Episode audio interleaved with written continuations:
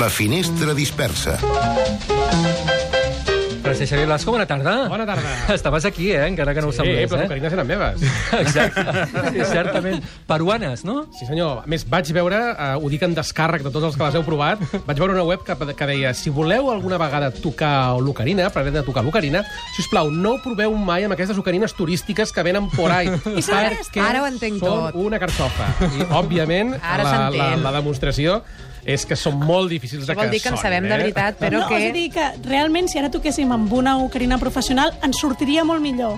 Segurament sí, segurament sí. Aquesta tarda, ai, aquest matí on has estat? Uh, Doncs he estat al Fab Cafè de Barcelona perquè avui mateix i fins a les 7 de la tarda, per tant, els que esteu interessats encara teniu temps de passar-vos-hi, s'ha fet les Raspberry Jam, una trobada d'aficionats i entusiastes a aquest mini ordinador.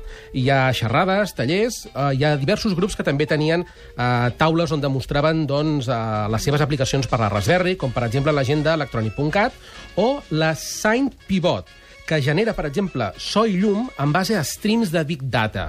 eh, dades de, del que fos, doncs allà estava programat, se sentia un so i se sentien un, un, unes llums. Una cosa d'en Xavier Manzanares que no destacaria gens dins el sonar, eh? no, no, i tant. Totalment. La veritat és que ha estat molt interessant, eh, perquè la Raspberry és una màquina molt de potencial, però què és la Raspberry? En Climent Aparicio, d'en Raspberry.cat, ens ho ha aclarit. Doncs una placa Raspberry és un, un petit ordinador que es, es va fabricar sobretot per eh, els nens tinguessin accés a la programació i a sobre que això fos a un cost molt baix. És una placa que costa 35 dòlars i, i ha evolucionat, ha, ha tingut un, molta repercussió a internet i ara hi ha una comunitat gegant una comunitat gegant a nivell mundial. Eh? Després uh -huh. parlarem de quin és el panorama a casa nostra. La veritat és que té centenars i centenars d'usos. El primer, el, pel que es va pensar, sistema operatiu, i altres usos que hi ha és eh, servidor multimèdia, o media center, que dic, que ens acosta el que seria una mica per poder fer una Smart TV encara que no ho fos. També he vist eh, usos de sistema de jocs, no? emulació d'ordinadors antics, consoles antigues, i després hi ha el, la gent que vol jugar i li agrada l'electrònica, doncs agafar el Raspberry i connectar i, i començar a jugar amb diferents eh, sistemes d'entrada i sortida. La veritat és que les característiques de la Raspberry eh, són doncs, molt impressionants per lo petita que és uh -huh. i lo econòmica que és. I a més, aquest 2015 s'ha anunciat la Raspberry 2, que serà molt més potent, i això encara ampliarà una mica més el ventall. Els que ja porten una mica, tem una mica de temps interessats en tot aquest tema doncs, del, del hobby, de fer-t'ho tu mateix, de controladors programables, eh, Lego Mindworks i aquestes coses, segurament n'han sentit a parlar d'una altra placa d'aquest estil, que és l'Arduino. De fet, tu, tu mateix en parlaves ara a la introducció de les notícies, com parlaves de, de Del Sonar, sí. Eh, és que es fan moltes coses amb Arduino. Per tant, Raspberry, Arduino, són ben bé el mateix? Arduino està molt basat a, en l'electrònica, en programar-lo, i el Raspberry el que té, que no té l'Arduino, és que com ens permet de connectar un sistema operatiu sencer, com un Debian, això ens dona accés a, un, a muntar un servidor web. Què podem fer? Pues el mateix que amb un Arduino, eh, sensors d'entrada i sortida, el que sigui, amb, amb Raspberry tens el, la possibilitat de fer bastant fàcil el, el, el control mitjançant internet, no? Això el que vol dir és que no només podem doncs, enxufar-li una càmera, un sensor, un lector, etc, sinó que, a més, si tu poses un Arduino i el connectessis a una tele, Sí. l'encendries i si no has programat el xip, allà no hi veuries mm, res. Un Arduino, a través de la seva targeta SD, doncs, eh, s'hi posa una distribució d'un sistema operatiu. Per tant, l'encens i el que t'apareix és un ordinador, el teu escriptori d'un ordinador, on tu pots programar-hi les teves aplicacions o executar els programes que hi pots instal·lar com un mini ordinador.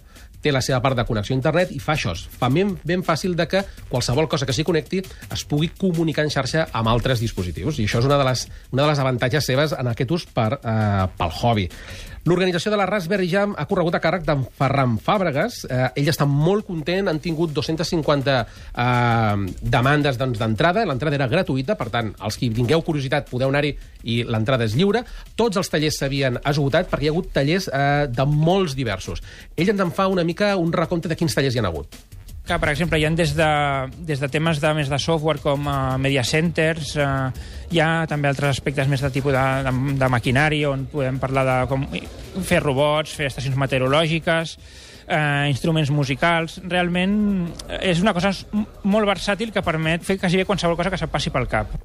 La veritat és que això dona una idea molt gran de, de, del, del gran ventall que té la Raspberry. He estat parlant amb tota la gent que ha, que ha vingut, tant aficionats, que ja tenien, com curiosos, i els he volgut preguntar, si tu tinguessis una Raspberry, eh, per què la utilitzaries, cas de que no la tinguessis abans, eh? o si la tens, doncs per què la fas servir. M'han dit coses molt variades. M'han dit eh, des d'una noia que la, que la volia era per construir una, una màquina que corrés l'emulador i recreatives antigues, servidor de so, eh, uns que la volien com a server multimèdia per connectar una tele i fer-ho servir de...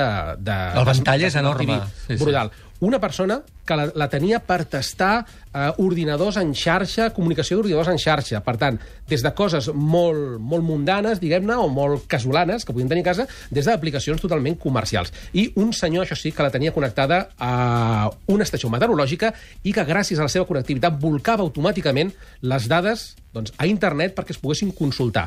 Un senyor que era de Sant Pau d'Ordal. I diu, això és molt important per tots els pagesos i tota la gent que visiti Sant Pau d'Ordal. Doncs sí, senyor. Ho tenia, més l'hem vist, eh? Puc dir-te que actualment doncs, a Sant Pau d'Ordal fan uns 19 graus de temperatura perquè ho acabo de comprovar ara mateix.